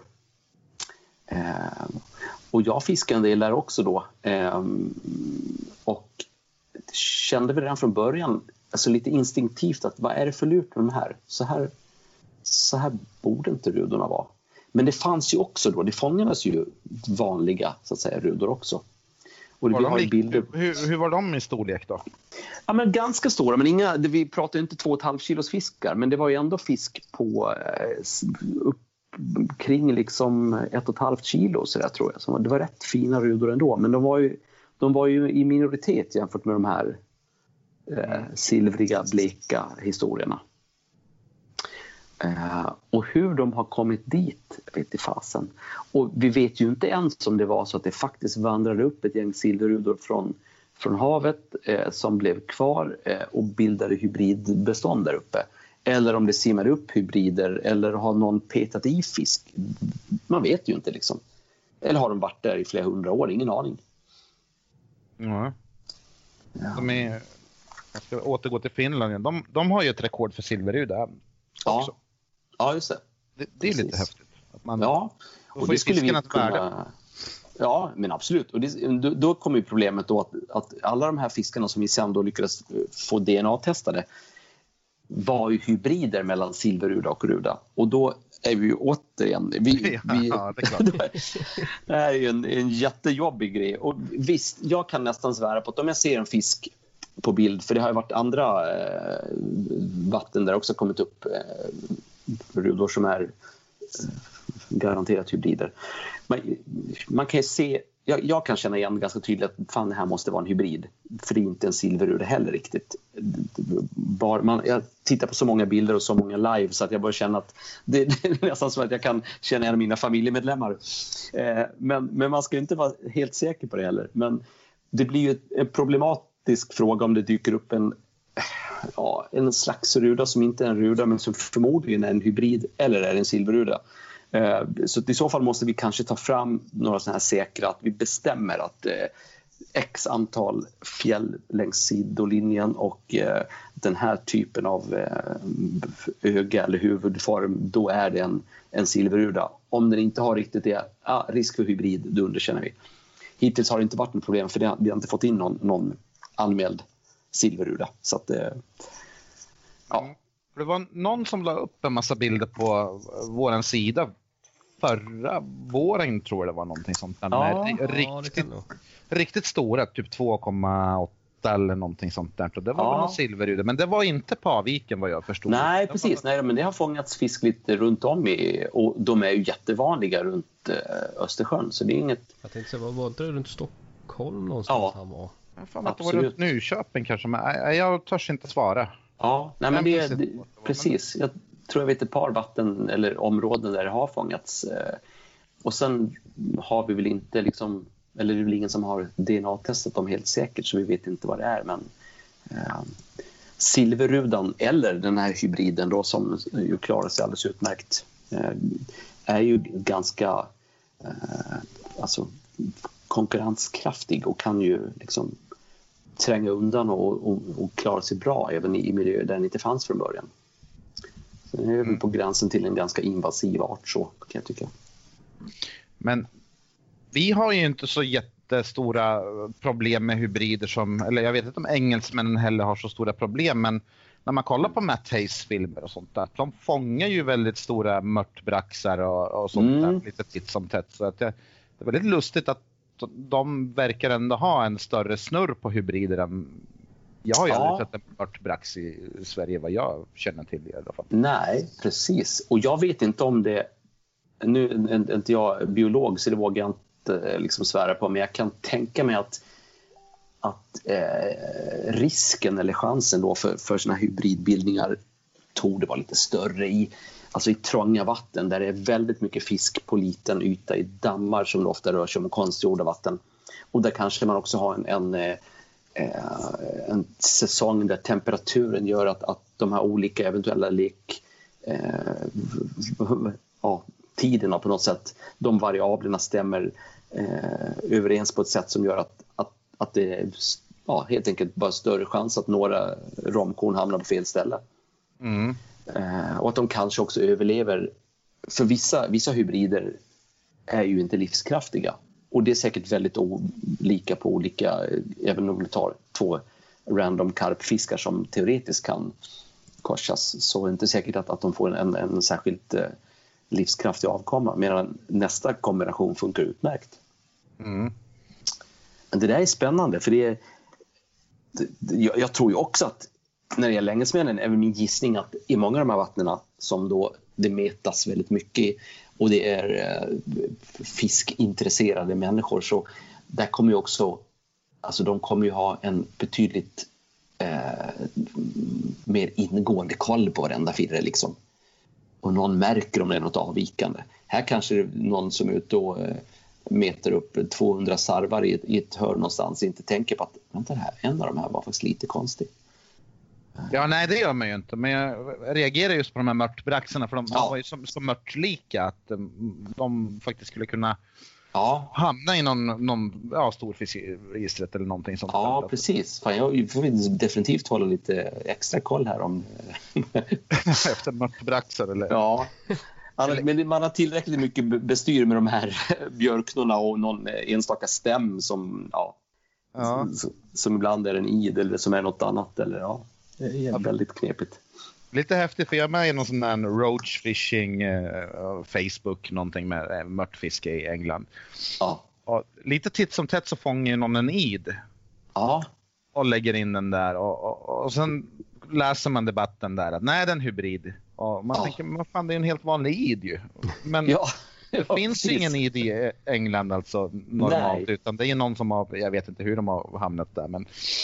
Nej, någon som har varit här och hälsat på lite grann och haft med sig en hink hem. ja, någonting sånt. Jag, jag vet inte hur. Ja. Men, men just det där att om man inte tänker, om man får en fisk och tar för givet att det är en mört, då kanske man inte granskar den där fisken att det är en mörtbrax eller någonting om den inte ser helspacad ut. Nej, så precis. Det är nog inte så jätteenkelt att säga att jag ser alla hybrider, liksom. men det gör Nej. man inte. Nej, absolut inte. Men sen är det väl också så att, att i vissa vatten eh, så, eh, så överlappar inte vare sig lektid eller område så mycket. Eh, och det kanske inte ens finns den, den artrikedomen. Men när man då i, ett, i sådana här lite konstgjorda system tränger ihop en jäkla massa fisk, då kommer det ju man garanterat öka andelen. Och många brukar hävda det också när det gäller till exempel då eh, Älvkarleby att det, det är så många fiskar som på något sätt har inte tvingats men ändå av, av olika skäl samlas på ungefär samma yta så att det vore ju märkligt om det någon, inte någon gång liksom eh, spelas ett spratt av, av eh, moder natur där. Jo, de, och det gör de det säkert. finns säkert, men du har ju, kör du efter Björkna där så har du ju alla årsklasserna från den minsta möjliga ja. till så att eh, ja. Påstå att alla över 8 hektar skulle vara hybrider, det, det, är ju konstigt för att det finns Nej. x antal 6 hektar, ja. 7 hektar och så. så det är ju som en, som en trapp, trappsteg. Men, ja. men som sagt, det är klart det finns hybrider, men ja. det är ju det är komplicerat. Ja. ja. Det är ju, det är ju tävlingsledarens huvudbry det där. Ja, precis. Och till den eh, dagen då vi har ett, ett, ett väldigt eh, billigt och eh, ett, ett enkelt snabb DNA-test och man bara kan, ja men jag tog en liten, liten, liten bit ja, fiskslem här eller topsa, topsa en, en fisk eller bara fota en, en fena i närbild eller någonting. Man får inte rycka loss dem hur som helst. Så, och så bara skicka in den eller läsa av det med någon streckkod någonstans. Då, fram till dess är det ändå så att, att det blir en viss form av godtycke. Vi måste ju ändå bara liksom, ja, det här verkar, vi tittar i nationalnyckeln och säger den så här och då är det det vi går efter. Ja, stort. Mm. Kommer jag långt ifrån Paviken, men det, det, det ni, ni förstår. ja, jag är lite... Ja, men Peter Gran, vi snackar lite. Det vore en sån här mm. drömgäst för en podd eller en intervju. Eller ja, Ja, det är en, en, en, kunnig och härlig filur. Jag har aldrig pratat med mannen tyvärr, men uh, han var ju lite av en husgud förut. Ja, han, absolut. Han skrev ju mycket om hybrider. Han nördade ja. in sig på sådana här gäddrekord och grejer. Alltså, ja. man, sak, man, saknar ju den här mannen. Det, det gör man ju. Ja, fantastiskt. Nej, men vi har lite kontakt ibland. Eh, och eh, det var ju när jag då verkligen började liksom, jag skulle, kände att jag ville gå till, till botten med de här eh, fiskarna i Paviken. Jag kände att det är ju något lurt. Folk sa ah, men det är silverudor eller guldfiskar. Nej, det är det baske mig inte, tyckte jag. Eh, det är någonting annat med dem. Jag skulle vilja påstå att det är någon slags hybrid för de, de har egenskaper av, av båda sorterna. Det är, det är något lurt här. Så jag började rota alla möjliga håll och när jag kontaktade Peter så blev han ju eld och lågor också för att han hade varit inne på lite samma sak. Och dessutom är han eh, förbaskat kunnig på området. Så att eh, vi la ner oförsvarlig massa tid på det där. Eh, men väldigt kul. Och, det är väldigt roligt. Och jag hyllar gärna Peter Gran en extra gång. Därför att han är, han är inte bara alltså, en, en kunnig och påläst person, han är dessutom en väldigt alltså, duktig förmedlare av, av kunskap när han höll på att eh, dissekera gamla gäddrekord som han eh, underkände och sånt där så var det ju inte bara Alltså, han, han lärde ju en, en hel generation hur man faktiskt skulle kunna vara, ifrågasätta lite saker också. Mm. Eh, väldigt, väldigt viktig gestalt inom sportfisket. Fantastisk konstnär. Ja. Otroligt duktig. Ja, ja kul han är fortfarande mycket ute i naturen och tar massa häftiga bilder. Det är både fågel och fisk och allt möjligt. Så att, eh, vi har till och med fiskat lite gädda tillsammans och sådär. Så att, ja, det, jag hoppas, det måste jag försöka ha med på min bucketlist. Jag ska ta och träffa Peter Gran snarast igen tycker jag. Mm. Ja, mannen som la Öresjö på kartan. ja. Det var väl han, hans sjö som man forskade i med gäddor och grejer. Ja. ja. Otroligt intressant. Ja, mycket. En legend. Ja. Ska vi gå vidare, Krille? Mm. Eh, ja, vi har ju varit inne och snuddat lite på fisket på Gotland. Mm. Men eh, lite mer. Vad... Och likadant vad du fiskar mycket efter. Ja, det är ju havsöring såklart och lite så här. Men om, ja. om vi fokuserar lite på metet på Gotland. Utöver ja, på viken. precis. Nej, men jag har ju, eh, id har vi ju eh, runt ön. Eh, har jag ju fiskat en del eh, eller rätt mycket. För vi har ju egentligen en ganska, det är ganska artfattigt här. Det här är ju inget ställe man ska bo på om man ska syssla med, med mete eller med artsamlande. Det, då är det bättre att ta färjan tvärs över till Oskarshamn och så är man i, någonstans i, i ja, Småland eller Östergötland eller Skåne någonstans så har man ju betydligt större förutsättningar. Men, men id har jag fiskat mycket och jag eh, har förr eh, hade vi faktiskt i någon å också riktigt stor mört. Eller riktigt stor, men på den tiden. Jag fick en mört på eh, åtminstone 8-9 hektar liksom, eh, då. Men de, de eh, finns inte längre. Men id, och jag har ju mina gräskarpar som jag brukar hälsa på ibland. Mm. Eh, också en fisk som kan driva en till vansinne. Yep. Eh, prata inte mer om den, då blir man, bara, blir man frustrerad bara. Eh, men däremot så, så är det också så att, att, man istället... Jag brukar säga att jag, jag, jag, har en del fiskar som jag saknar. Eh, rätt många i och för sig. Vi har ju, här finns inga eh, färnor. Eh, det finns inga björkna. Finns inte. Det finns definitivt ingen vimma och faren. Eh, det är rätt många arter som inte finns här alls. Så att på det sättet kan det vara lite enahanda. Så då får man ägna sig åt till exempel att bottenmeta skrubba eller eh, Eh, leta reda på någon golfdamm där det finns en gräskarp och få tillstånd att fiska på den och, och lite sånt där. Så jag bodde i, Stockholms, eh, i Stockholm rätt eh, länge och under den tiden så var det mycket mer så att jag åkte ut i, i skärgården och till de där liggande sjöarna och sånt där och fiskade mycket. Så så dels det och det mer traditionella skärgårdsfisket överlag kan jag ju sakna ibland. Men då får man väl får man ge sig iväg på en liten tur ibland istället.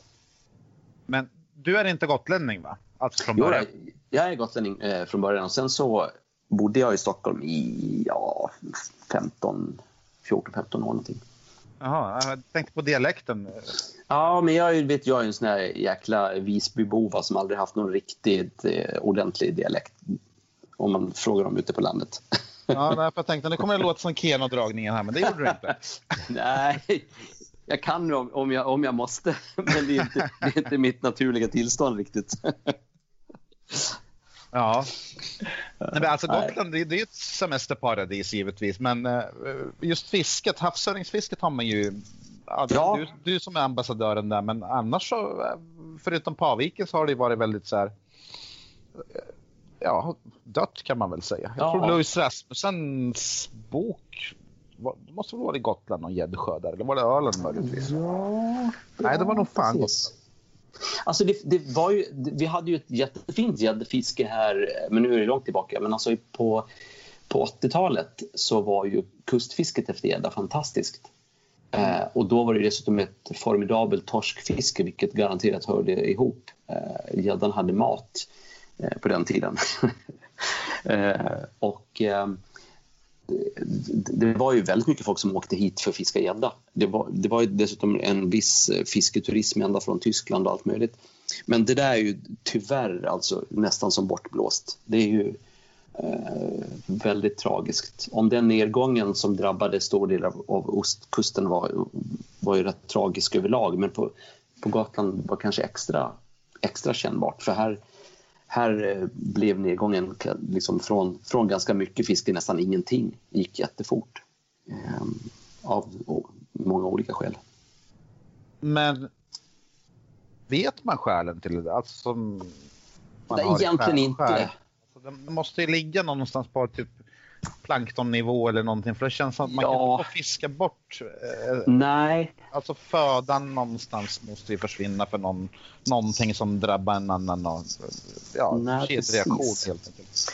Ja, alltså jag tror, min gissning och det, det som, de som ändå har eh, forskat eller försökt att knäcka den här koden är väl, eh, jag har försökt att, att, läsa på det. Och man, man kan nog säga så här att det är nog lite olika. Man kan inte ta en förklaringsmodell som kommer från ett skärgårdsområde någonstans i Stockholmsområdet och bara lägga det som ett karbonpapper ovanpå eh, Gotland eller Kalmarsund eller vad man nu tar. Utan det är lite olika förutsättningar på alla ställen.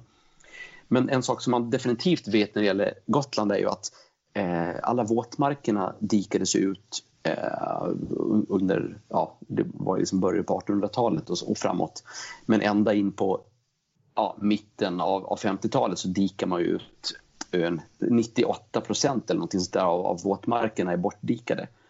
Eh, och det är klart att när det fanns åar eh, och sjöar och vattendrag för gäddan att så att säga leva i och spilla ut såklart att det fanns mer fisk på kusten. Man satte också ut gädda för hur mycket nu det gav, det är ju svårt att veta. Men sen när, när dessutom när, när, det här, när de sakerna har försvunnit så kommer ju efterverkningarna långt senare. Eh, och i takt med att dessutom då torsken försvann, eh, i stort sett fiskades upp. Eh, det blev en helt annan balans i, i hela systemet.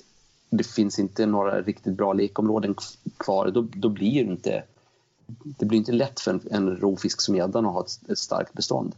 Och, och, när vi dessutom här har ett, ett, vi har inte några skyddade vikar där den kan liksom frodas och käka eh, vitfisk på samma sätt. Det, det finns ju knappt. Liksom. Så det, det, det, var, det var en, en, svår miljö från början men när man då slog undan benen så här då, då tror jag att då rök den. Plus att det dessutom yrkesfiskades hårt och skickades eh, lek, eh, eller rom från lekfisk till Frankrike och allt möjligt eh, rätt rejält i de få områden där det var gott om gädda. Det var inte heller så smart kanske. Jag tänkte, Gotland som forskningsobjekt, det är väl lite som Sveriges Madagaskar eller någonting. För det, det ligger så pass avskuret så att... Ja. Så, alltså om det har hänt samma sak på östkusten eller som på Gotland så borde det ha någonting med havet att göra. Ja, precis. För att gäddorna vandrar väl inte, vad jag vet i alla fall, mellan Kalmar och Gotland? Nej, det skulle nog ha mycket svårt tänka mig. De kan ja. simma några mil hit och dit, men, men alltså den biten gör de nog inte, utan det är nog ett, ett eget litet bestånd här som då förmodligen förr bestod mycket mer av, av sötvattenslekande fisk. Eh, och för att, att leka i brackvatten är ju inte alls lika effektivt eller pålitligt. Och, och den saken kan ju variera liksom abnormt för att det var kallt och blåsigt eller för lite eh, översvämmade sand, strandängar eller vad det nu är för någonting. Medan sötvattensleken är ju alltid en eh, ganska pålitlig och fungerande historia. Så det gör man ju samma sak här, att försöka skapa lite gäddfabriker igen. Eh, för, både för fågel och fisk och kräldjur. Så att säga. Så att det, vi får hoppas att det blir någon bättring. För det tycker jag skulle vara jättekul. Jag, jag älskar att fiska gädda. Men jag tror också att det är viktigt att, att man har de här friska vattnen. För finns det ingen Finns det inga gäddor och ingen torsk och inga stora rovfiskar alls då tror jag att det på sikt inte heller kommer vara så bra vare sig för id eller sarv eller någonting. Liksom. Det, man måste ju ha ett, ett system i balans. Mm. Ja, absolut. Så, Ja, det är tråkigt. Ja, ja men... Eh, och, och ur, en, ur en ren egoistisk synvinkel så är det lite, lite tråkigt att vissa fiskar saknar som inte man, man saknar de här några stycken. Men eh, ja, jag får väl... Plus att vi har ju väldigt tyvärr då, som det är just nu, är det ganska få sötvatten av de få som finns från början som man eh, får fiska i. Eh, för att det är ofta väldigt komplicerade fiskerättsägarhistorier eh, där det kan vara massor av, av olika människor som har en fiskerätt i en liten sjö här då, eller träsk som de heter på Gotland. Och eh, då är det väldigt svårt att få till någon slags eh ja, reglerat fiske alltså är det stängt eller också ja, måste man eh, så att säga ha ett tillstånd från varenda fiskerättsägare, vilket är i stort sett omöjligt. Om inte man är själv. Ja. Så det, det, det, finns ju en del av de här sjöarna som då eh, tidigare har gått att fiska i, som inte just nu finns något fiske i. Det är lite synd. Mm. Så då är man på kusten och jagar havsöring istället. För Hur går det då? Livet. Ja, men de finns ju. Och det är ju, vi jobbar mycket med fiskevården här också och ser till att de här små eh, öringsförande vattendragen funkar och är fredade och sådär. Så att, eh, men det är också ett väldigt hårt tryck. Det är otroligt mycket folk som åker hit och fiskar öring numera. Speciellt hela våren då. Så jag hoppas bara att, att det inte på sikt ställer till någonting. Eh, först ropar man att kom hit och fiska här är trevligt, sen gnäller man åt det. ja, nej, men det är, eh, det, det, är jättekul att det intresset finns. Jag tror att det, det är viktigt både för, för Gotland och för eh, liksom, den fortsatta fiskevården att, att det finns en, ett incitament för att hålla igång det här. Men eh, det kan ju vara lite frustrerande. Ni vet själva, så här, man, man har sina trevliga favoritställen man vill åka ut till en härlig aprildag och så bara ha, står det en bil här och här står det, där gick det sex pers. Titta, där är de tio stycken. Då, då kan man bli lite så här, ja, har man, man fött ett troll här vid sin barm som man har släppt ut. Ja, den är lite, lite smådryg kanske. Ja. ja. Men, Men så är det ju om man återgår till registret där att mm. när skärgårdsfisket efter gädda har blivit dåligt då söker väl sig folk i högre grad till Vättern och Vänern och sådana här ställen. Och, ja. där, där, man känner till att det finns fisk. Så att, jag tror inte att det sammanlagda sportfisketrycket minskar eller ökar eller någonting. Men den kan ju vara så väldigt så koncentrerad på ett ställe och det kan ju ja, på sikt vara jävligt dåligt. Ja, och det kanske skulle, det tycker jag också ibland att det, det är därför det, det, är lite roligt och viktigt att metet till exempel också får lite uppmärksamhet och, och, och lite eh, spotlight på sig. För att om, om plötsligt alla ska vertikalfiska gös och, och spinnfiska gädda så blir det lite enahanda också och det, det kommer bli ett högre och tråkigare tryck i, i vissa vatten som kan sluta lite illa. Så att man skulle egentligen vilja liksom balansera upp det, men se till att, att, att folk upptäckte lite fler eh, ja, liksom arter och fiskemetoder och, och, så att man fick en, en bredd på, på många sätt. Jag tror att det, vi alla skulle må bra av. Mm. Så det, och det tycker jag, det, det menar, ni gör ett jättebra jobb för metet var lite bortglömt under några år kände jag. Så här. Det var lite, låg lite sådär skvalpade i något bakvatten bara. Jag tror att det är lite grann på gång igen. Ja, det känns så. Ja. Det, det gör det ju faktiskt, men... Ja. Mm. Ja, men det hoppas man ju. Ja, nu har man ju... Det kommer ju aldrig kunna jämföras på det sättet med spinnfiske och vertikal och hela de här bitarna. Men det, är ändå, det känns ju ändå som att det är på... Alltså det, det, det syns lite mer i alla fall. Ja, ja, men det tror jag. Och allting har ju en tendens att gå lite grann i vågor. Liksom. Och om det nu var väldigt hett då, och det som gällde så där, ja, slutet av 70 början av 80-talet och, och, även senare. Sen försvann det lite grann så tror jag att nu kanske det är på väg att få en liten, liten renässans igen. Så där. Um, det, Comeback. Det, ja, och det är ju fan, det, man får ju använda fräcka prylar och prata svengelska med massa roliga begrepp och allt möjligt. Det borde ju ha allting som, som krävs. jag, jag haft av eh, olika skäl väldigt mycket kontakt med ja, så branschfolk, butiker och sånt där. Och man har fått en liten blick hur metet, hur det funkar runt omkring ja. landet. Och eh, de flesta butikerna säger ju faktiskt att det är på gång, det ökar. Ja. Ja. En, en stor grupp som man kanske inte alltid tänker på det är de här polska och eh, baltiska byggjobbarna som kommer. Ja, just det. De kommer till fiskebutiker och börjar fråga efter mäsk och efter feeders och efter massa grejer som... För att de vill meta och de... Mete är ju stort där borta. Ja, ja, ja, precis. Det finns många otroligt duktiga fiskare som Eh, och som kanske inte alls har möjligheten att komma åt vatten lika lätt som vi ändå har här då. Nej, och sen matkulturen också, att det är helt okej okay att käka ja. ja, precis. Någonting sånt där som, som gör att de är lite mer intresserade av det där.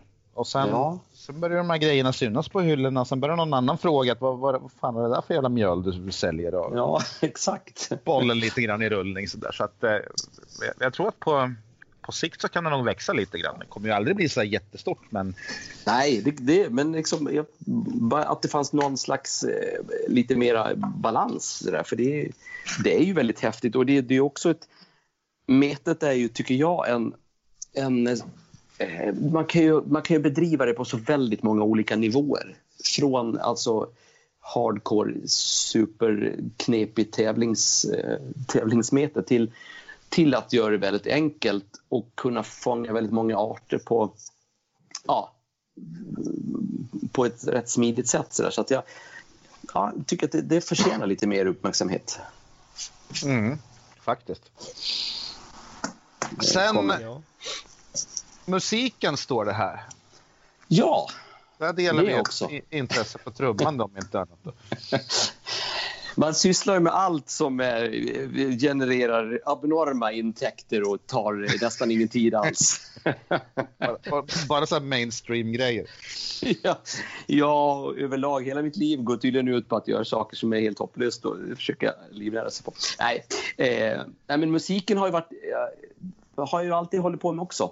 Eh, och jag minns att när, när jag eh, höll på med, med, mina band som ung och berättade för de killarna så att Ja, jag, jag fiskar också. De bara tittade på mig. Fiske? Liksom, var, varför det? Det var väl ingen som gjorde. Å andra sidan hade jag då fiskesnubbar som bara Fan, ska du, vadå, musiken, vad ska du med det till? Kom, nu ska vi dra ut och, och pimpla abborre eller eh, ja, meta id liksom. Eh, det, det där, eh, jag, har varit, jag har varit lite fast i, i, i bägge eh, träsken hela tiden. Ja, jag känner igen det där. Eh, och jag tycker att det ligger inte så långt ifrån varandra egentligen. Alltså, det, det gör ju inte det. Nej. Det finns väldigt många saker som, som på något sätt eh, snarare eh, liksom för dem samman. Sådär. Det, det är prylar och det är full koncentration på en sak i taget och det är någonting som man till skillnad från om man nu hade varit hockeyspelare så kan man hålla på med de här sakerna förmodligen resten av sitt liv i någon form. Mm.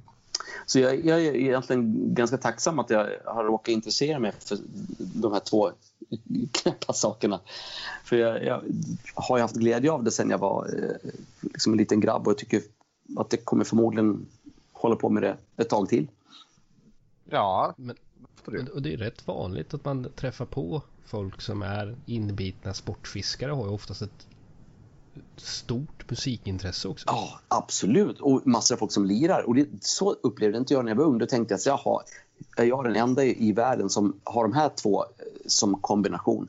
Så bara visade det sig att för varje år som går så bara träffar man ju på massor av folk. Det var ingen slump att Sportfiskarna gjorde den här Ge fan i våra vatten därför att det visade sig att det var ju fullt av, av folk inom eh, rockbranschen och musikbranschen som gärna fiskar mycket och dessutom på ganska liksom seriös nivå. Eh, det, det, var ju bara ett, ett litet stickprov, så det ser ut överallt i landet tror jag. Mm. Jag vet som jag och Mattias på FJ till exempel, vi mässar ju väldigt mycket ja. på Messenger, men aldrig om fiske, det är bara om dödsmetall. Ja, ja det är grymt. Ja, men har, du hört den här, då? har du hört den här? Då? Ja, ja, ja.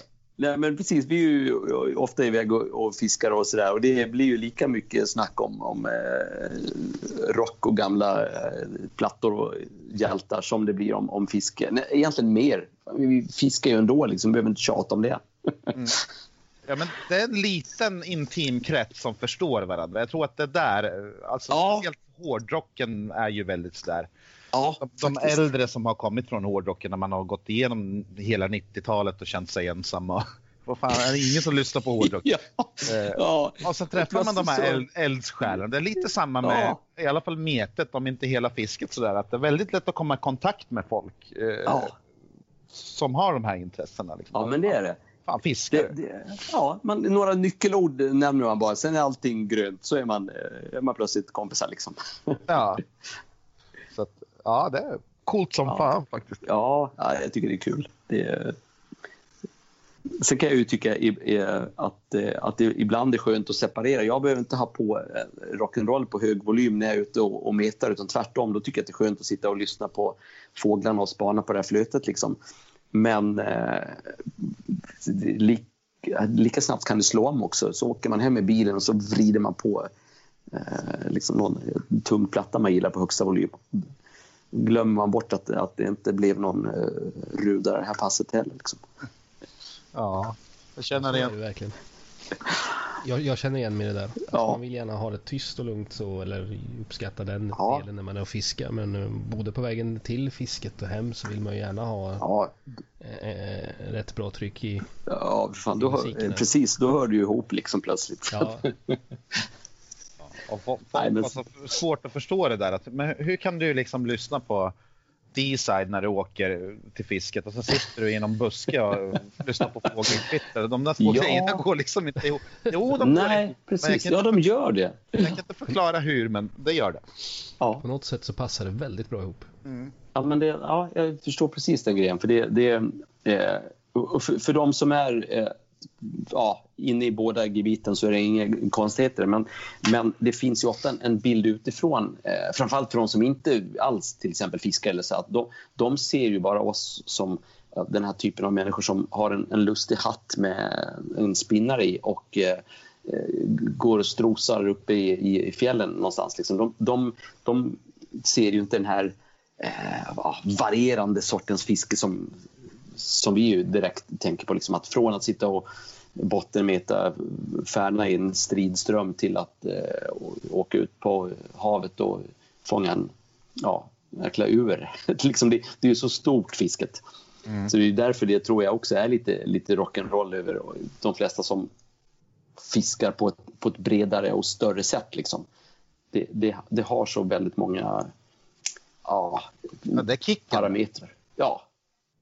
Man är ute efter de där små kickarna ja. musiken och, och, och, fisket och sånt. Fiske det är ju alltså, det är väldigt, väldigt lugnt men det är ju kicken man är ute efter. att man, Kör man efter färna, att det kan vara lugnt en halv dag, sen helt plötsligt så böjs spöet och sen, sen ja. adrenalinet där. Och, så är det väl lite med musiken med. Att... Ja, men det är det. Och jag brukar säga det själv att eh, jag är en ganska så här rastlös eh, person. Jag sitter inte oftast bara still och, eh, och, och glor någonstans. Jag, jag gör någonting nästan hela tiden.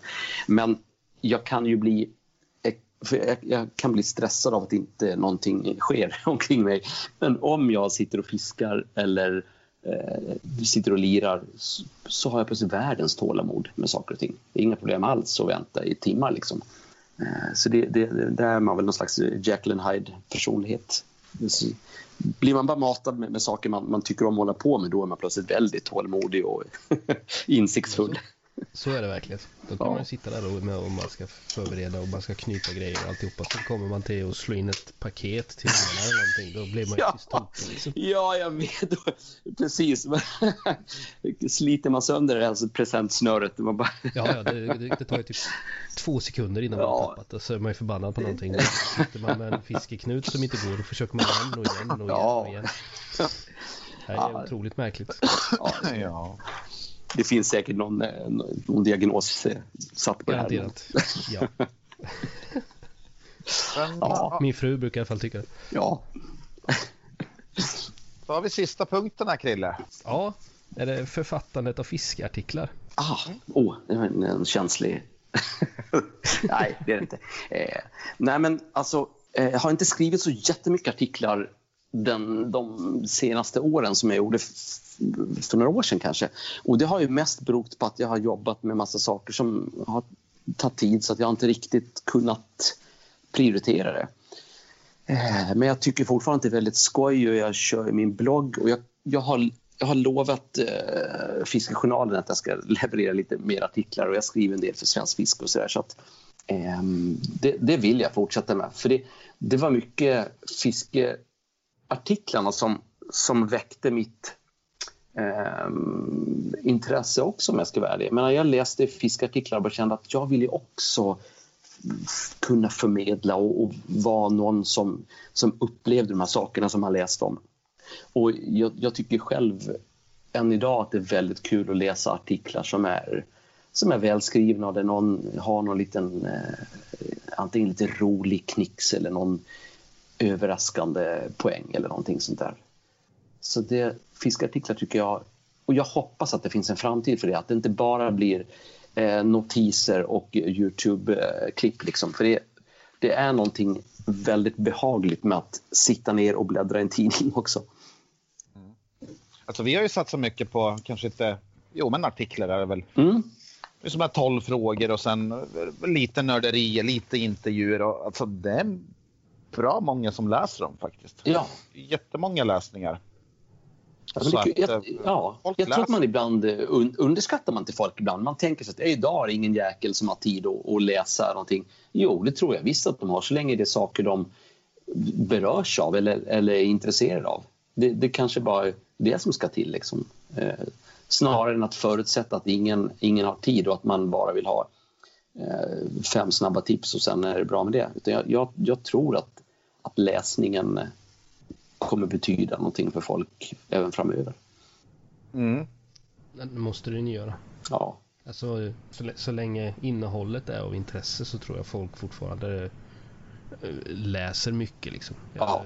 Jag, jag tycker det är ofta man kan få sådana här det står i någon tidning eller något liknande någonstans att eh, vi läser ungefär 1,2 sekunder på, eh, ja. på nätet eller något liknande. Men ja, det kanske man gör av sånt som är av mindre intressanta saker. Ja. Men, men är innehållet bra så tror jag ändå folk uppskattar att läsa långa grejer eller stora ja. nördiga saker liksom. Ja, det, det, tror jag med och jag hoppas att, att, att det kommer fortsätta vara så. Eh, men jag, jag är... tråkigt. Ja, annars blir det rätt platt allting. Nej, men jag, jag, hoppas att, eh, eller hoppas, jag har bestämt mig för att försöka skriva lite fler artiklar. Eh, samtidigt som, som ju alla känner till så är det inte, man blir inte rik av att, att skriva frilansartiklar inom fiske så att ibland är det bara så av, av rent praktiska skäl att det finns ingen riktig tid. Och jag eh, vill inte heller bara haspla ur med någonting slentrianmässigt. Dels tror jag inte att, att det är så lätt att få någonting sånt publicerat och, och jag vill inte det för egen del heller. Jag vill att det ska vara någonting intressant eller kul jag har att berätta eller åtminstone någonting som känns som att oj, det här var lite läsvärt av någon anledning. Man måste kunna stå bakom det man skriver. Ja. Man måste känna själv att det här är bra. Ja, sen, sen precis. de andra kanske inte tycker att det är lika bra. Det spelar ingen större roll, men så länge man själv är... Nej, men bara man är lite ärlig mot sig själv sådär så... Ja. ja. Då brukar det oftast generera till någonting bra. Ja. ja jag, brukar det, det... jag brukar bara blunda och gå vidare. det, det, är också möjligt. Bara, lite Nej, men, som det. Ja. Just grejen är att eh, dagens fisketidningar har blivit lite väl... Liksom, man följer gärna en trend, men man sätter inte så många trender. Nej, precis så var det kanske mer förr då. Liksom att, att, då dök det upp saker som bara, oj, det där hade jag aldrig hört talas om. Mm. Det eh, senaste det fanns... som, som jag känner till som har kommit eller som jag mm. själv upplevde det var väl fiskefeber med, med vertikalfisket. Det var ju en sån där att oj, men det ja, var ju fan nästan 20 år sedan. Ja, precis. Så tycker man att det var nyss. ja, sådär. Men, men just för att återgå till Peter Grans grej, det är sådana ja. artiklar jag efterlyser. Att man belyser ja. en, en, fråga, nördar in sig jävligt mycket eller kollar ja. upp en grej. Att ja, vi hade en sån artikel för 20 år sedan. Vad har hänt sedan dess? Granska kanske att har det blivit bättre? Har det, ja. ja, precis. Men det är kanske lite så här mer mogna artiklar eller hur man säger. Det kanske inte kidsens favoriter. Men... Nej, men det, vi, vi gamla uvar måste läsa något också. jo, men jag tycker i alla fall att det är jävligt intressant med, ja, som just Peter Graf. Man granskar ja. olika saker med under lupp sådär. Och, ja. ner sig. Men jag tror att många hade uppskattat de här riktigt nördiga grejerna liksom. Jag, jag tror det. Jag tror inte att eh, alla vill hålla på och läsa de här eh, Så gör du eller eh, Nej men precis. Jag, jag, är lite arg över att det här är som det är och så vidare och så vidare. Utan riktigt så här på nördnivå. Jag, ja. jag är säker på att många hade uppskattat sådana artiklar. Alltså. Ja, det tror jag. Och, och, jag hoppas ju personligen också att det är lite, för väldigt mycket av, av även de här ganska nördiga sakerna man eh, plöjer igenom förr hade också någon väldigt sån här eh, tydlig kärlek till det som skrevs. Alltså att åh vad jag tycker det här är kul, nu ska jag berätta. Eller det, det, kunde vara alltså en, en, en en berättelse om själva fisket och miljön och allting, allt det här runt omkring som fick ta rätt stor plats så att man verkligen hamnar mitt inne i, i storyn. Det var mm. inte bara liksom fem snabba tips att jag snabbt kan sticka iväg och göra likadant. För det, det tycker jag också är ganska ja, platt. Man ska, man ska ju känna som att man är där ja. på något sätt. Ja, det... då, har man, då har man ju lyckats fånga läsaren. Ja. Jag vet inte om man ens använder ordet fånga läsare längre. Nej, det, det måste man väl få göra. jag tycker det. Jag känner mig men, jävligt gammal. Ja. Men, ja. Så, det var Nej, väldigt det... mycket så beskrivande för olika tekniker och taktiker och sånt där. Att inte så mycket själva produkter. Alltså, Nej, det, det, var, det var mer så här att jag tog mitt spö. Ja. Eh, idag får man ju skriva jag tog mitt spö vilket är en sjufotsspö mm. med den här testkurvan och sen... Alltså, ja, har man ju först, ja, någonstans där har man ju förstört artikeln för att ingen människa tänker ju så att nu ska jag ta det här spöet med den här jävla testkurvan och ha den här linan. Nej, precis.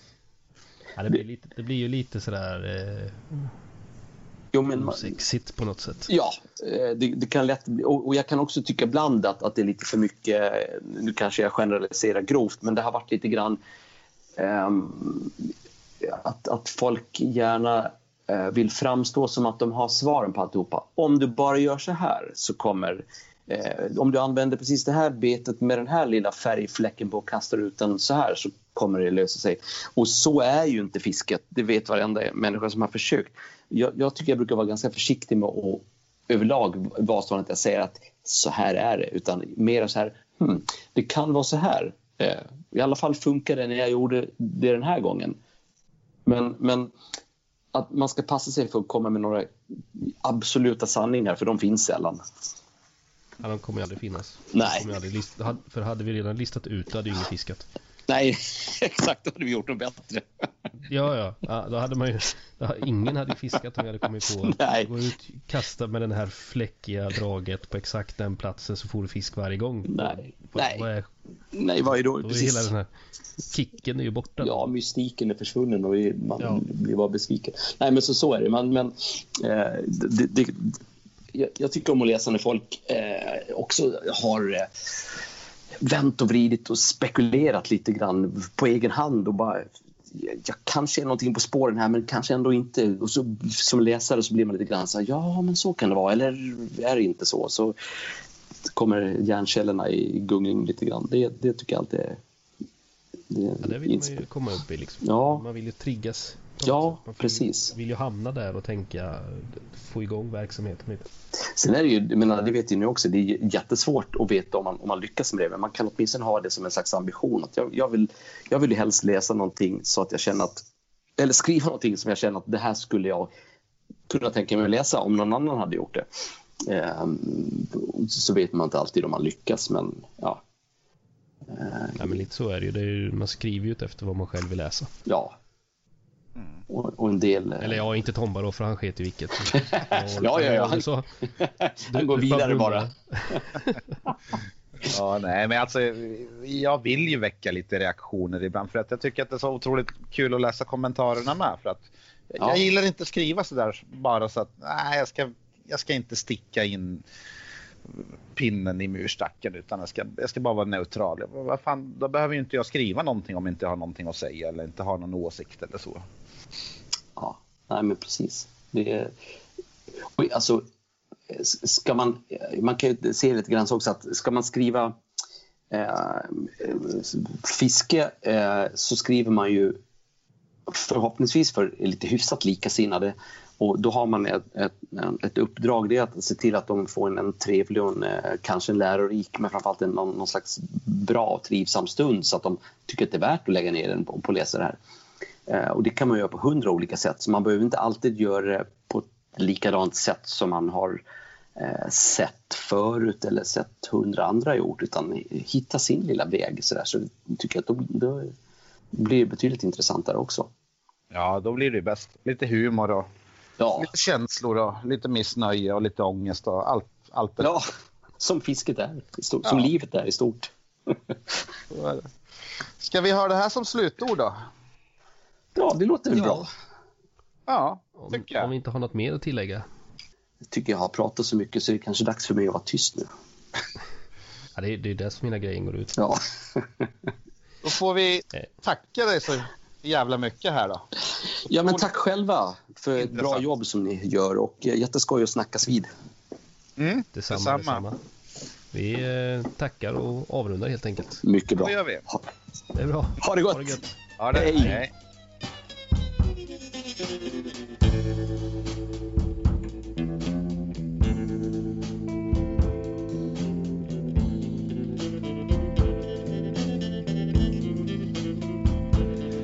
had enough of your bullshit to last me a lifetime. So get out of here.